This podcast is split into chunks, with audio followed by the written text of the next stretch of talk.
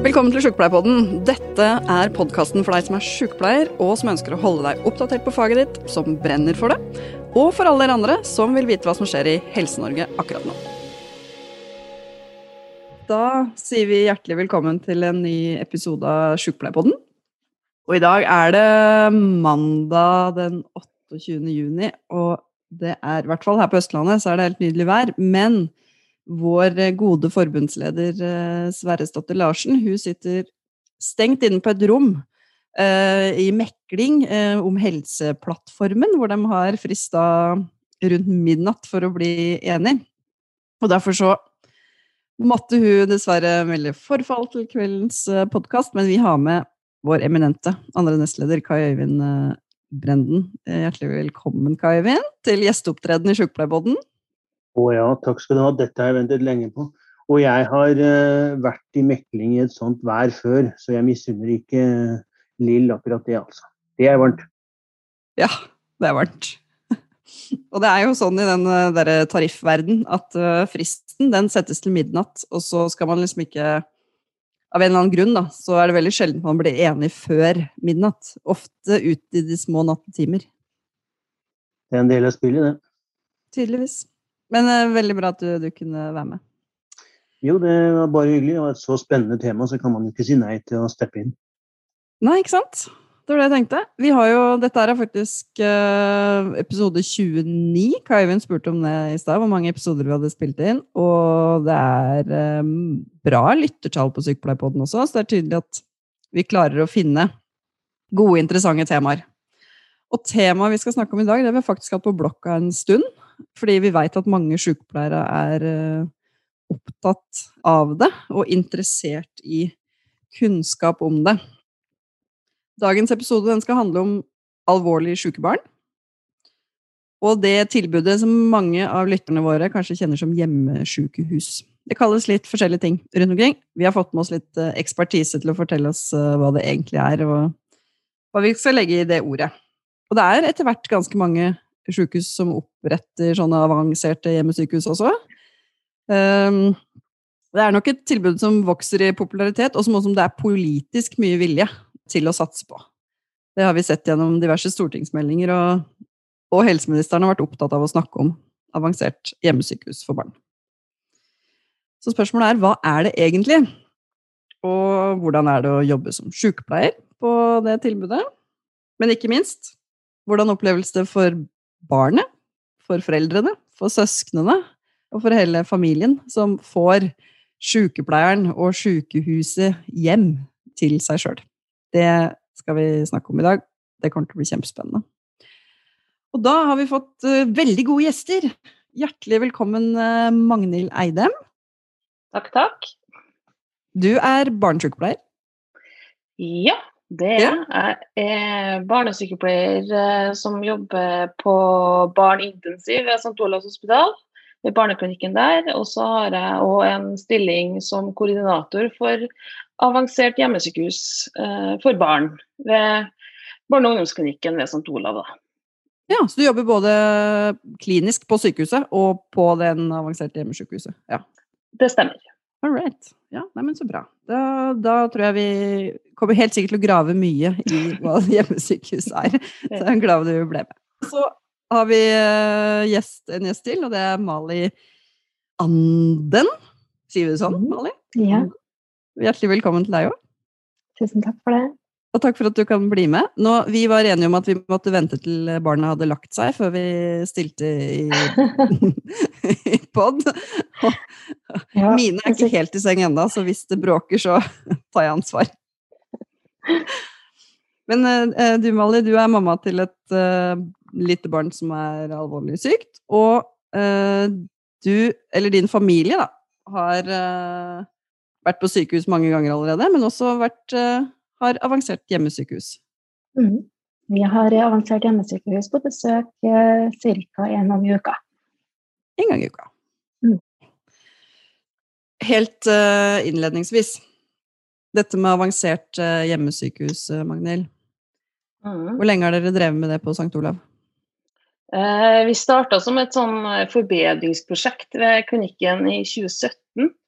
Eh, der vi begynte å tilby hjemmesykehus til barn med kreft. Så vi hadde en pilot på det, og så skjønte vi jo det før vi starta at det, det, her kom til å gå veldig bra. Så når den piloten var ferdig, så fortsatte vi. Og holdt på et par år med det med støtte fra Barnekreftforeninga bl.a. Eh, og så i 2020 så kom vi på budsjett og fikk eh, drive videre og bli en permanent løsning eh, ved klinikken. Og etter det så har vi nå siste året har vi da utvida til å kunne dra hjem til mange flere barn som har, ikke har kreft òg. Eh, sånn at det har blitt et diagnoseuavhengig tilbud. Og vi har fått flere stillinger til å kunne eh, gjøre det, da. Så det er vi veldig fornøyd med. Hvor mange er det som jobber med det på St. Olav? Akkurat nå så er det jeg som er koordinator, og så er vi fem sykepleiere som jobber eh, i hjemmesykehuset, samt en lege som har en liten stilling tilknyttet hjemmesykehuset. Ja. Og de Jobber de bare på det hjemmesykehuset, eller jobber de sånn delt stilling? De jobber sånne delt stilling, så det er en ganske liten stilling de har hjemmesykehuset. Og så jobber de på sengeposten sin eh, ellers. Da. Så de, jo de, jobber jo på barnekreftavdelinga, og så jobber de på den medisinske posten. Og på barneintensiv, og jobber mye med Hun ene jobber mye med LTMV-barn, eh, altså langtidsmekanisk eh, ventilasjon for barn. da. Ja. Eh, med hjemmerespirator er vel enklere å si, da. Så vi har bred kompetanse, og, og det er spesialsykepleiere, alle som jobber der. Eh, har jobba ved klinikken i lange tider, alle sammen. Så vi er godt rusta for å ta, dra hjem til de fleste diagnosene, vil jeg påstå. Ja. Er det en forutsetning, tenker du? At de har jobba der uh, lenge? Ja, det er nok en forutsetning at uh, man er, er, kjent med det å jobbe med syke barn. Uh, for det er jo et, uh, et spesielt fagfelt. og vi blir jo eksperter på barn, vi blir eksperter på familien, vi blir eksperter på søsken. det er jo som vi sier at vi har ikke bare én pasient, men vi har hele familien. Og hele familien er jo søsken, foreldre, besteforeldre, tante og onkel. Altså det, det er mange involverte da, i et uh, barns liv. Uh, og så er det jo mye spesiell sykepleie da, til barn. Det er jo ikke uh, små voksne, som vi sier.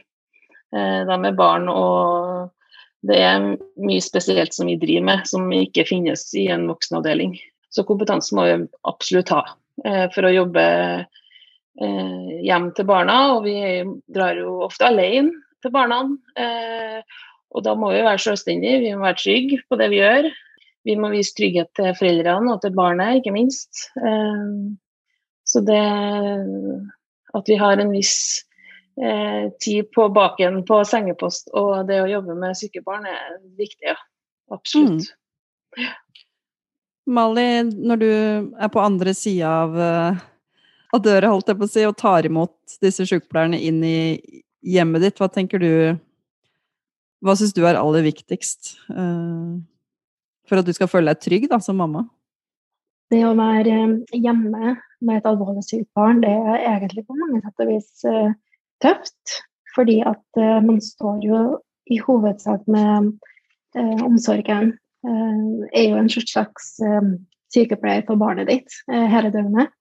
Og vi, jeg og mannen min, selv om vi har lært oss veldig mye det siste året her, så er jo ikke vi um, noen autoriserte sykepleiere i den forstand. Men så er det nettopp det at når du vet at du får sykepleiere på besøk hjem til deg en gang i uka, som har den fagkompetansen som du på en måte eh, søker veldig etter ved behov, um, så er det en slags trygghet uh, i det å være hjemme. Fordi at um, det er noe eget med å være hjemme kontra det å være på sykehuset. Du har um, Selv om tryggheten er annerledes, så er det allikevel en annerledes trygghet. For at du er hjemme i dine egne kjente omgivelser. Du finner en større ro, opprettholder så tilsynelatende normal hverdag som man overhodet kan eh, når man har et alvorlig sykt barn hjemme. Um, og vi blir også ikke minst tryggere i våre egne roller i det å være forelder. For vi slipper da å spørre om vi f.eks. kan få lov å holde i vårt eget barn, som vi ofte føler at vi kanskje må gjøre da, når vi ligger på intensiven og barnet er kobla til masse slanger og det som er, for du trenger litt støtte og veiledning for bare så enkelt det å holde rundt barnet ditt. Mm. Mm. Uh, også når de kommer, og de er jo så fine alle sammen, og det, det er også noe med den der kontinuiteten og tryggheten. For først så møter vi dem på barneintensiv, sånn som Magnhild og Marte. Uh, men så er det at du blir jo kjent med dem både på sengepost på medisinsk, som vi òg har vært innom. Og ikke minst at de kommer jo ofte her. Og vi ser det veldig godt på sønnen vår at det er noe som er gjenkjennbart. Han ser ikke minst at vi som foreldre er rolig med omstendighetene, og det at vi er hjemme. Så det er helt klart en kjempestor fordel. Mm. Altså, er jo ikke sykehusene sånn supert tilrettelagt for at hele familien skal være der heller. Det kan jo hende St. Olav er jo et ganske nytt sykehus, så det er muligens bedre tilrettelagt der, Magnhild? Ja Nei, vi skal ikke skryte på oss at vi har så veldig god plass til hele familien på sykehuset. Det har vi ikke. Så det at uh, vi kan få lov til å sende ungene hjem til sine begge foreldre, vi har jo sånn at det er én foreldre som får ligge på sykehuset med barnet sitt, så lenge det ikke er veldig alvorlig syk, typ respirator, eh, syk på barneintensiv eller eh, barnkreft. Så er det bare én foreldre som får ligge på sykehuset. Um, så det å kunne få sende dem hjem og være sammen med begge foreldrene og søsknene eh, så tidlig som mulig, det, det tror jeg nok eh, spiller veldig inn på hele sykdomsforløpet til, til pasientene, eh, til ungene. Og, for det er, ingen, det er, jo ingen, barn som ønsker å være på sykehuset. Det er jo, barn og foreldre vil jo være hjemme eh, i sin egen seng, i sin egen sofa, se på sin egen TV. Altså det, det, det, er bare vi sykepleierne og legene og vi, alle andre som jobber på sykehus, som vil være på sykehus. Ehm, når vi kommer hjem til et barn hjem, så er det jo på en måte at det er deres hjemmebane. Da. Det er deres arena. Eh, på sykehuset er det vi sykepleierne som har vår arena, og det er vi som kanskje styrer hverdagen på en måte. Eh, hjem så er det barna som får lov til å styre. Det er vi som eh, må tilpasse oss deres behov, grunnleggende behov. Har de noe lyst til å spille ferdig den Fifa-kampen på PlayStation når vi kommer, så ja, så får de jo selvfølgelig lov til det. Er det egentlig et grunnleggende behov, Magnhild? ja, for, for, dagens unge, så ja. ja, ja. så det, det, er veldig at vi må være, vi må være ydmyke og vise respekt og trå varsomt. Vi kommer jo på besøk. Eh, mm. Det er jo noe med det. Eh, første besøkene i et ukjent hjem vi føler oss litt fram hvordan vi skal trå i det hjemmet ved første besøket. Vi bruker jo litt tid på det. Eh, og ja, at ungene har, har, den kontrollen der da, eh, i hjem, som de ikke kanskje ikke har hatt på sykehus når de har ligget der i over lengre tid. Da. Og det er noe med at um, Ja, Kai Øyvind, du har jo bl.a. kjørt ambulanse der, det der å komme inn i noen sitt hjem, hjemmesykepleie nå gjør jo det mye, ikke sant? Hvordan du, du, ja, hvordan du manøvrerer deg rundt, som du sier, at det er ikke det er ikke på våre, det er ikke på helsepersonell sin premiss. Det er faktisk på de som lever i det huset sin premiss, da. Og det er, det er en interessant diskusjon. Vi, vi diskuterer jo mye hvordan tjenestene skal organiseres, rett og slett. ikke sant? Uh, Kai Eivind, du og jeg har jo nerda mang, mang en kveld om organisering og finansiering av helsetjenestene.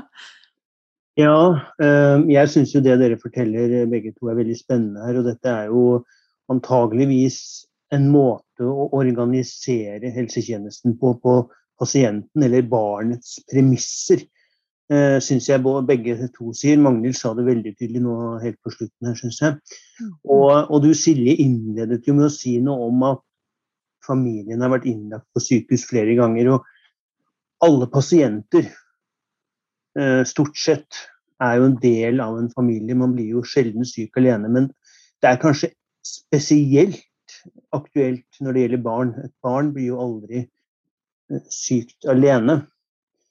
Og um, det er derfor viktig også, som, uh, som du Magnhild var inne på, at uh, på sykehus, dette kjenner jeg jo igjen selv, og det gjør sikkert du Silje også, så er det jo plass til kanskje én mm. av foreldrene.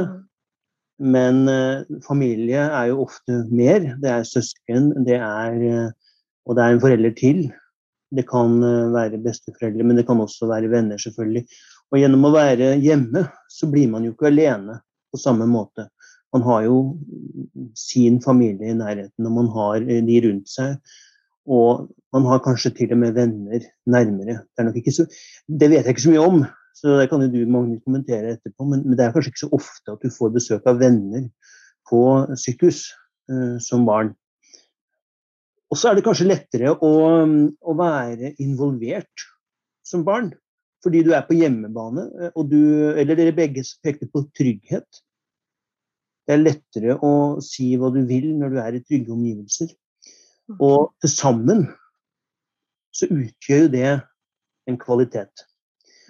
Og um, igjen altså, så kommer vi tilbake til at vi som helsepersonell føler oss kanskje tryggest når vi er i en institusjon.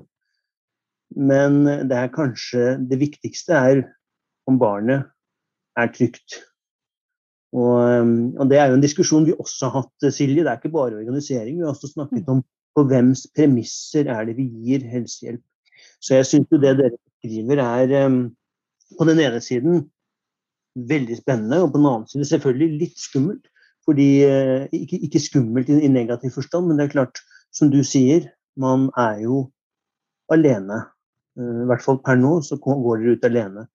Og um, jeg er helt enig med deg når du sier at det krever at man har god erfaring som sykepleier eller, eller lege, og er trygg i faget sitt. Fordi dette er kjennetegnet med, eller det er noen fellestrekk her med hjemmesykepleie.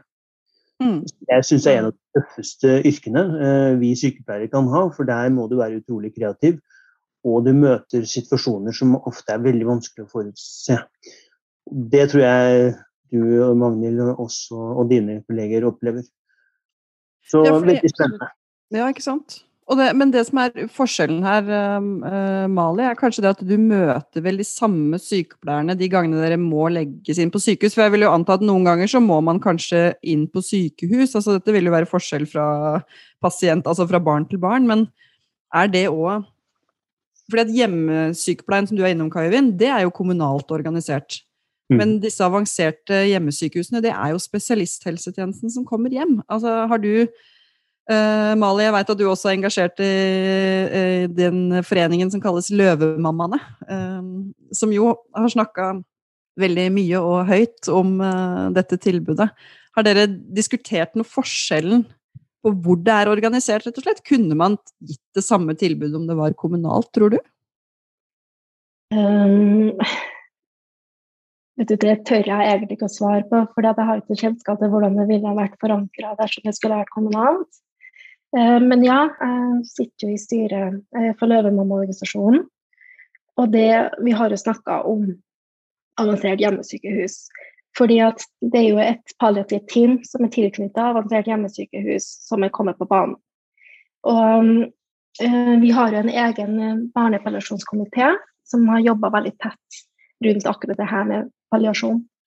Eh, vi fikk faktisk akkurat nå i år innvilga 500 000 fra Helsedirektoratet til å kunne jobbe med prosjekt som er retta mot um, som barnepalliasjonsprosjekt som heter For bære sammen.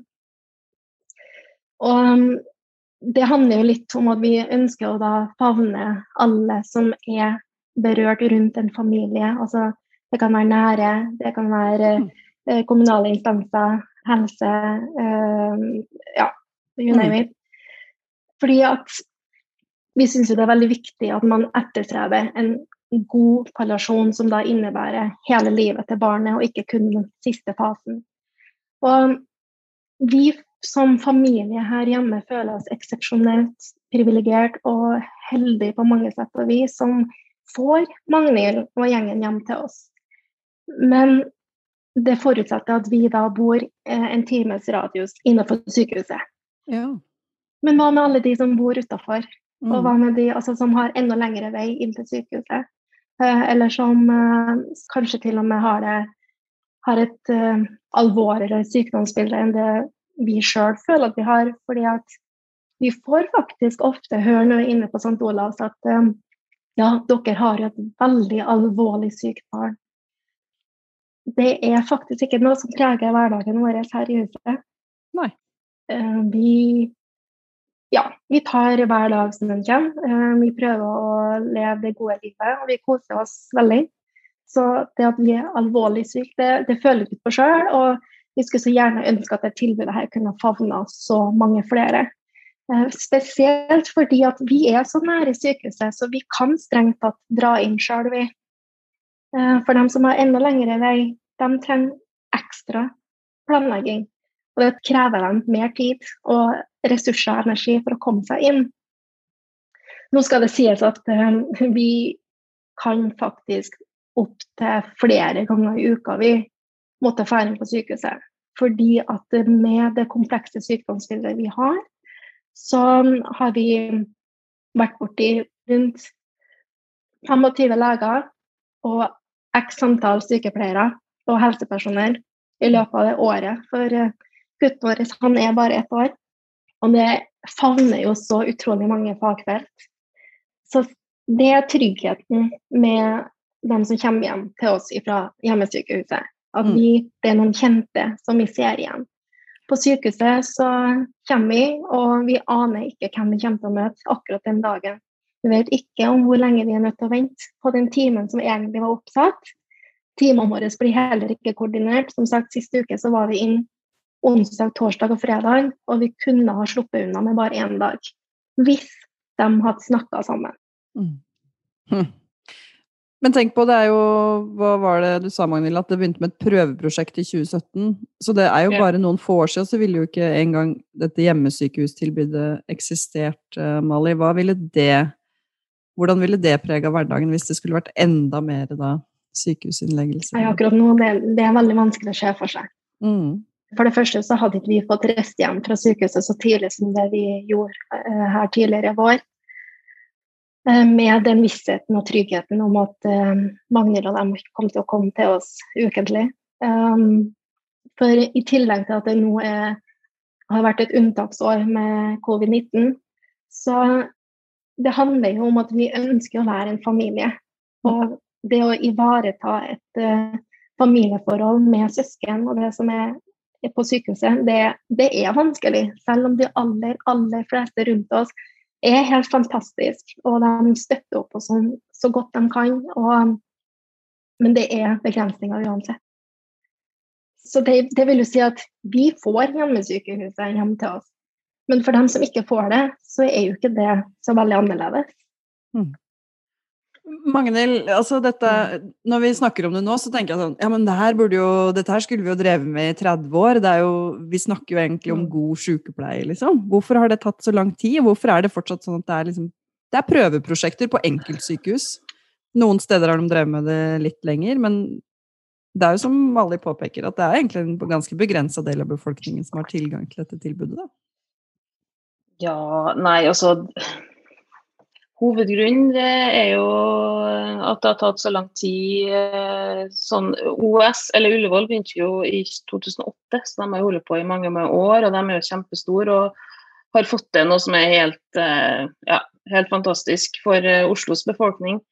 At det har tatt så lang tid for spesielt oss på St. Olav, det handler jo om engasjement, da, eller sånn mulighet for oss sykepleierne å starte noe nytt. Da. Altså mm. innovasjon. Eh, det går jo litt trått med, med innovasjon i Helse-Norge, det må jeg jo ærlig innrømme å si. Eh, så vi må, det måtte liksom Vi som virkelig brant for det, måtte få muligheten da, til å sette i gang det prosjektet her. Og grunnen til at ikke det finnes på alle barneavdelinger i hele landet, det er jo økonomi det står på. Det kan jo ikke ikke nevne det, for det, sånn er det nå. Eh, men vi jobber jo, i hvert fall vi som er barnesykepleiere, vi har jo grunnleggende, en grunnleggende verdi at vi jobber for barns beste. Eh, vi jobber for at våre pasienter skal ha det best mulig. Og det med hjemmesykehus, vi bygger jo pasientens, framtidens pasientens helsetjeneste. Og som jeg hører fra alle sykehustallene fra Høie siste året, så har jo hjemmesykehus vært nevnt. Så det er jo kommet for å bli. Eh, det er bare at eh, det må settes av midler, det må settes av tid til å få satt det i gang. Og det kommer jo, det kommer i Bergen, starta jo opp i fjor.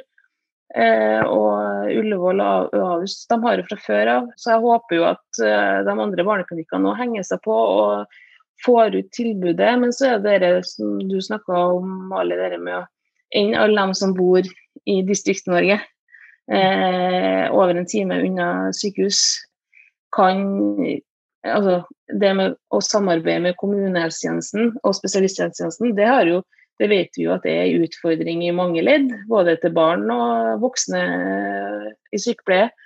Og det er liksom det å skille den derre Hva gjør spesialisthelsetjenesten? Hva gjør kommunehelsetjenesten?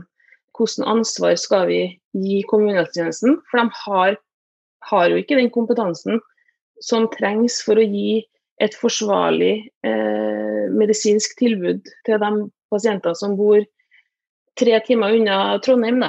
Mm. Eh, det handler litt om det, men jeg ønsker å få tida til å dra ut til de distriktskommunene og finne ut hva er det dere kan hjelpe denne familien med. Hvilken kompetanse mangler dere? Kanskje det er bare det å eh, få lagt inn eh, en veneport i eh, Altså en ål i en veneport og få tatt noen blodprøver. Kanskje det er bare det de mangler for at det barnet her kan slippe å kjøre de tre timene, eller dra til det legesenteret som kanskje er veldig usikkert. Altså sånn, bare det å finne løsninger, det å skape det samarbeidet mellom kommunene og, og hjemmesykehuset, da, som, er, som jeg tror For det er masse flinke folk som jobber ute i kommunene. Vi må bare finne dem, og så må vi bare legge forholdene til rette for at de skal klare å mestre det. Og ta vare på de barna som faktisk virkelig trenger det. Men da må vi jo ha hjemmesykehus hjemmesykehus ved alle barneklinikker. Både på Lillehammer og i Tromsø og i Bodø. Og ja, altså der det er, der er barneavdelinger, der kompetansen sitter. Så får vi gå, dra ut til kommunene og lære dem opp på det de, vi, vi, mener og det legene mener at er forsvarlig at de kan hjelpe til med. Da. Og så kan vi bidra når det, ja, der det trengs, da, og ja, prøve å legge forholdene til rette for at alle kan få eh, besøk hjem. For ungene skal være hjem. De, skal ikke, de hører ikke hjem på sykehus, de aller fleste. Selvfølgelig noen eh, må jo bare må, må, være på sykehus, men mm. eh, de aller fleste kan faktisk få dra hjem. Altså dette, dette, handler jo om egentlig noe som er litt eh, kjedelig, som, men som er utrolig viktig for hvordan ja. helsetjenesten vår er organisert, og det er hvordan det er finansiert. Fordi som du er inne på, da, Magnhild, at det lønner seg antageligvis ikke uh, for dere, altså rent økonomisk for St. Olavs hospital, å ha hjemmesykehus. Fordi at uh, det, det, er jo mange forsøk med sånne veldig gode uh, Veldig gode forsøk rundt omkring til pasientgrupper som ikke bare er barn, men også f.eks. voksne som får langvarig cellegiftbehandling, som kan få det hjemmefra i stedet for å være innlagt åtte uker på sykehus. Men da taper sykehuset masse penger, fordi de får betalt per døgn du er innlagt. Altså når du er hjemme, så mm. får du kanskje bare litt penger når du er innom. Så vi har et sånn grunnleggende problem her ved at vi belønner altså i hermetegn da, belønner at man er innlagt på sykehus, i stedet for å finne de andre mm. kreative løsningene som er bedre for pasienten. Men det som vi ser òg er alle, egentlig alle hjem, eh, barneavdelinger i Norge, de er jo for små i enkelte perioder. Det er for få rom. Eh, og da er jo avansert hjemmesykehus en gyllen mulighet til å, å kan sende ut barna tidligere, eh, sånn at vi faktisk kan behandle dem som må være på sykehuset, på en bedre måte. Vi har, også at vi får bedre tid til å gi sykepleie til de ungene som faktisk må og trenger være på sykehuset. Istedenfor at et barn ligger 14 dager på en barneavdeling for å få intravenøs antibiotika, når han egentlig kunne fått det hjem. Ikke sant. Mm.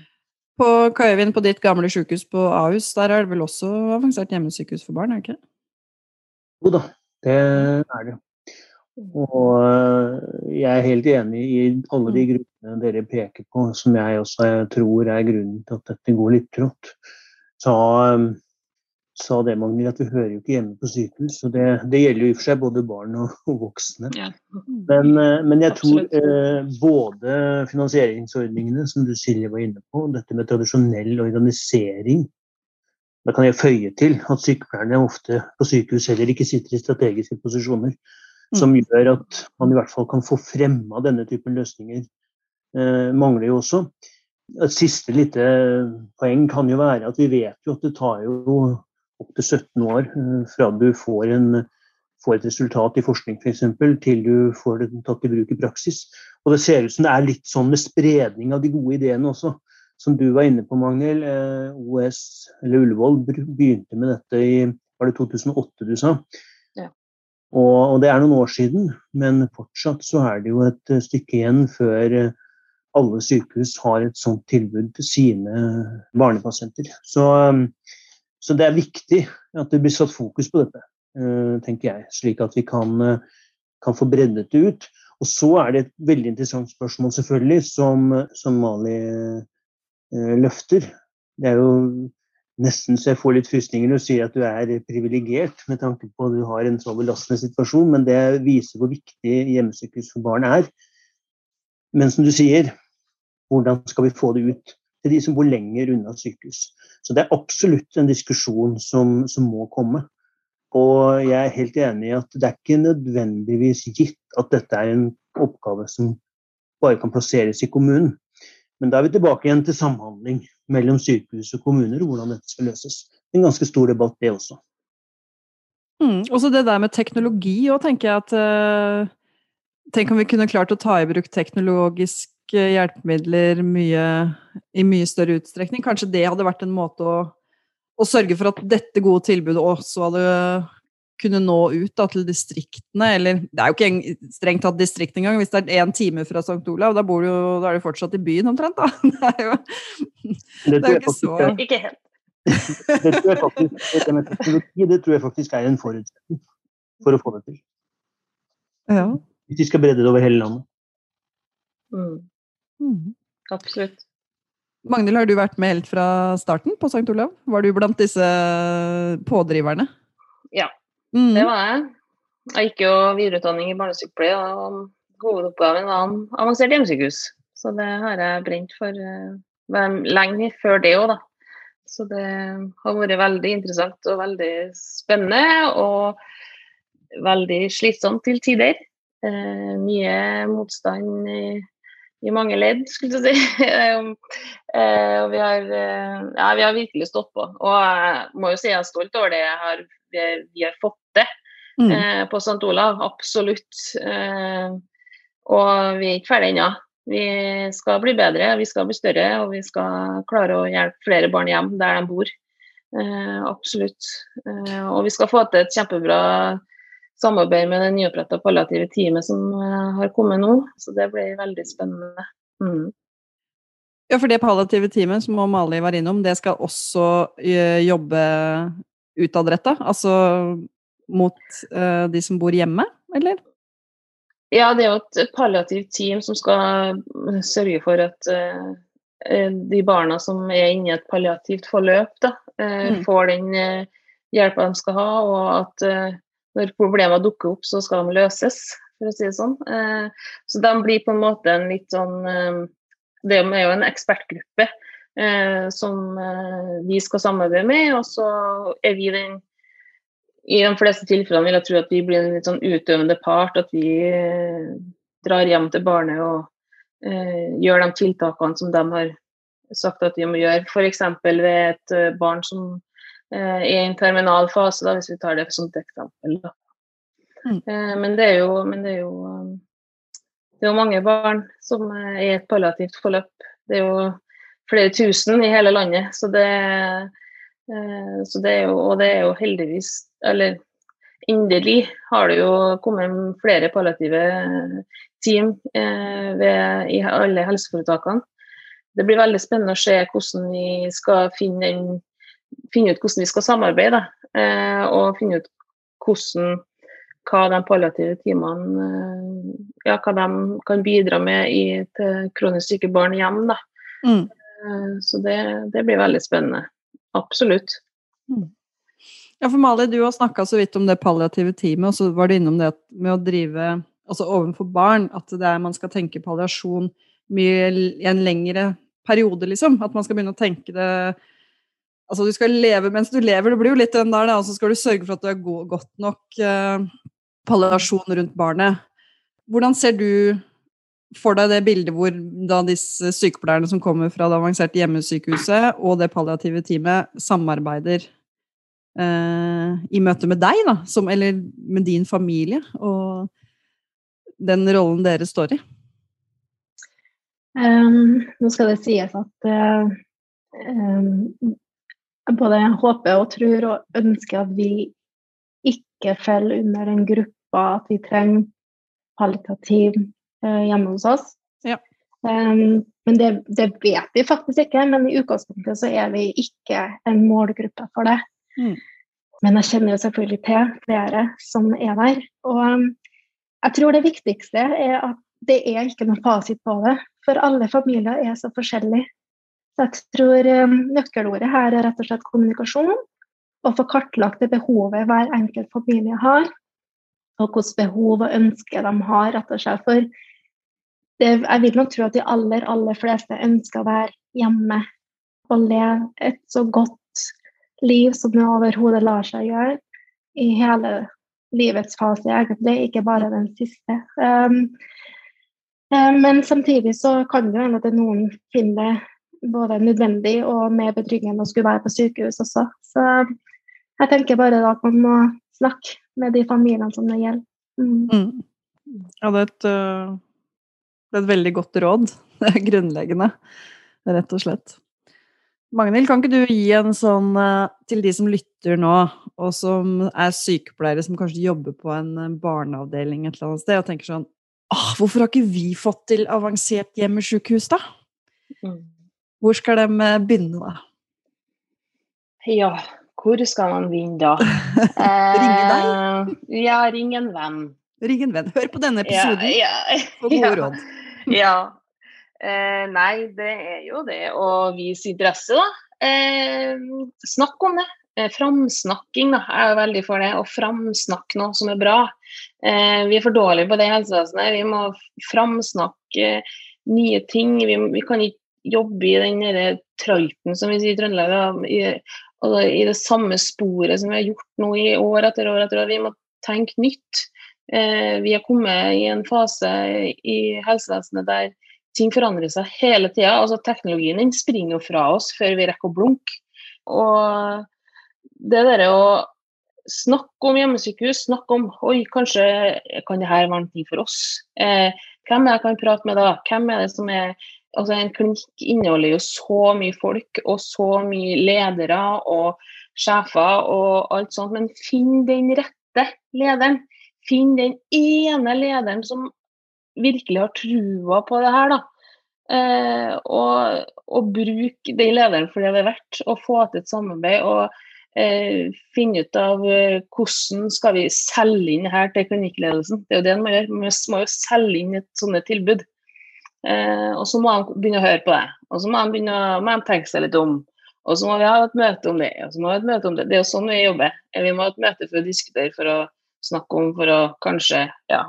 Eh, og så kommer det etter hvert. Og når de hører at ting fungerer på andre sykehus òg, så hjelper det veldig å alliere deg med, med, et annet hjemmesykehus og høre hvordan de driver det. Jeg har jo veldig tett dialog med Lisa på Ahus, som er seksjonsleder på hjemmesykehuset der. Og jeg har lært masse av hun, for jeg tenkte at uh, når vi starta opp til oss nå, så var det egentlig ikke noe vits å finne opp kruttet på nytt. Når at uh, det fantes et veldig bra hjemmesykehus på Ahus som vi kunne sammenligne oss uh, litt med. da. Mm. Um, så jeg har lært veldig mye av henne opp gjennom årene. Um, så nei, det, du må liksom bare kjøre på, sier jeg bare. vi, vi, trenger det. Eh, alle barn har, eh, har, rett på å få ha den beste helsetjenesten, uavhengig av hvor de bor i landet. Ja. Mm. Det er mitt råd. det var bra råd. Jeg tror helseministeren han har sagt noe sånt som at uh, det å, å, gjøre en endring, da, som f.eks. avansert hjemmesykehus her, det er som å tenke seg at man skal legge seg på feil side i dobbeltsenga. Ikke sant? Det er ingen som legger seg på feil side i dobbeltsenga. Men kanskje er det bra. Ja. Ja, det er jeg helt enig i. Uh, man må bare tørre å ta sats og, mm. og se hvordan det går. Ja. Mm. Mm. Mali, har du noen uh, Du har allerede kommet med noen veldig gode råd, men jeg tenker du Det som vi i Sykepleierforbundet jo bruker en del tid på, det er å lage allianser med pasient- og pårørendeorganisasjoner. Mm. Fordi de har ganske mye makt. De, får, altså de, har jo veldig viktige stemmer. Og jeg tenker sånn som eksempel Løvemammaene, som har blitt tatt veldig på alvor av mange politikere, og liksom virkelig er med å endre ting. Mm. Hvordan, hvordan, bestemte du deg for at du skulle engasjere deg i det? Ja, det var vel egentlig mest det at um, du får et sykt barn i armene, og det sykdomsbildet er så komplekst og så nytt og innvikla at det var egentlig de færreste av, um, av leger og sånn også som kjente uh, hele omfanget, kan du si, uh, på St. Olavs. Så når du på en måte står der og famler litt sånn blindt med et uh, nyfødt lite sånn brut i armene, så trenger du et fellesskap. Du trenger noen som har gått den veien før deg som vet på en måte hvor skal du trå det neste steget ditt. Så jeg fikk tips om uh, organisasjonen Løvemammaen. Og jeg har fått så utrolig uvurderlig mye hjelp og støtte og råd og informasjon at det var på en måte aldri noe tvil om at uh, selvfølgelig skal jeg bistå der. For jeg har trengt dem. Nå er det min tur til å bistå. Der andre kommer etter meg igjen. Mm. mm. Ja, dere, vi skal begynne å avrunde. Tusen takk for at dere tok dere tid. Kaivind, har vi blitt litt klokere i dag? Jeg syns eh, jeg har lært utrolig mye. og um, Nå er jo Ahus nevnt flere ganger, og du nevnte at jeg kom derfra. Dette er jo en av de mange grunnene til at jeg er veldig stolt av Ahus. Eh, det er jo viktig at vi også jobber med dette, eh, tenker jeg. Og vi har vært veldig tydelige på at vi ønsker flere hjemmesykehustilbud. I og for seg ikke bare for barn. Når det gjelder barn, så har vi jo en 36 eh, eh, faggrupper, hvor en av dem jobber med barn. Mm. Barnesykepleiergruppa vår. Ja. Jo, de, de, skal vi også dra med oss inn i dette arbeidet her, tenker jeg. Og så skal vi selvfølgelig påvirke politikere, sånn som vi gjør i veldig mange andre saker. Men dette er altså en av de mange sakene vi skal ta med oss inn. Og som du Silje sa, vi skal også samarbeide med pasient- og brukerorganisasjoner, også knytta til dette, dette, for det er viktig. Og så må vi ta noen interne avklaringer, selvfølgelig. Hva, hvordan skal dette organiseres for at vi nettopp får utnytta potensialet enda bedre, sånn som både Mani og Magnhild har pekt på. Så vi har både lært og blitt motivert, tenker jeg. Og det er ikke verst. Det er ikke verst. Nei, dette er eh, kjempeviktig og spennende tema. Og Magnhild, eh, den entusiasmen som du viser for eh, disse barna, det er jo en gave. Ikke sant? Og det er jo det som gjør at det er det som gjør at man får til sånne ting. At det finnes sånne ildsjeler som deg. Som, og tenk så mye det betyr for de familiene dere møter. Så det håper jeg du tar med deg. Mm. Hvis jeg bare får lov å komme med bare sånn helt på slutten her. Um, mm. uh, Magnhild kom på besøk til oss i forbindelse med avansert hjemmesykehus i påska. Og da var hun eldste, som er tre nå, hjemme og hatt ferie. Og Magnhild hun omfavna og inkluderte storesøster fra første stund hun kom inn døra her. Eh, storesøster fikk være med og se på at eh, lillebror fikk bytta Han har et sånn um, Hickman som han fikk skilt og bytta bandasje og alt det der på det. Og hun fikk stå der og holde i plasteret, og hun fikk se på. Mange gikk gjennom steg for steg alt det som skjedde med lillebror. Um, og i etterkant så fikk hun jo selvfølgelig premie, hun òg, i likhet med lillebror. som da er pasienten, men storesøster har jo selvfølgelig vært med og bistått. Hun fikk en kjempefin sånn påskepose fra Sykehusbarna med masse goodie og stæsj og sånn oppi. Og nå i dag så kan vi fortelle, når hun på morgenen står opp og skal i barnehagen, så kan vi si at i dag skal lillebror få besøk av sykepleier som skal komme og skifte pandasje. Det første hun spør om når hun kommer hjem fra barnehagen den dagen, har dama vært der og skifta bandasje på lillebror i dag? Mhm. Ja, det har han. Ah, ja, nei. Og det er, så det er så bra å høre, for dette, dette, er jo akkurat det det handler om. Det handler om hele familien. Altså, det påvirker jo hele familien, også treåringen. Også mammaen og pappaen, også liksom alle. Så takk for at du deler den historien. Det er veldig god sykepleie. Mm. De er helt fantastiske. Vi er så takknemlige dem at dere aner ikke. Og nå, lag, nå, skulle jo alle sett det, for det sånn hjertefigurer. Så, så jeg måtte bare fortelle det. Da skal vi avrunde dagens episode av Sykepleierpodden. Neste episode den eh, skal handle om uh, retten til heltid. Og vi får faktisk besøk av uh, vår egen advokat, Magnus Buflod, som akkurat har fått møterett i Høyesterett, og som har kjempa en kamp for noen sykepleiere som jobber på Jobber de ikke på barneavdelinga da, Kai Vind, faktisk, disse sykepleierne? På Sykehuset Østfold, som har gått til retten for å få lov til å jobbe i fulle stillinger. Det kommer til å bli en veldig spennende episode. Så følg med, og takk for i dag.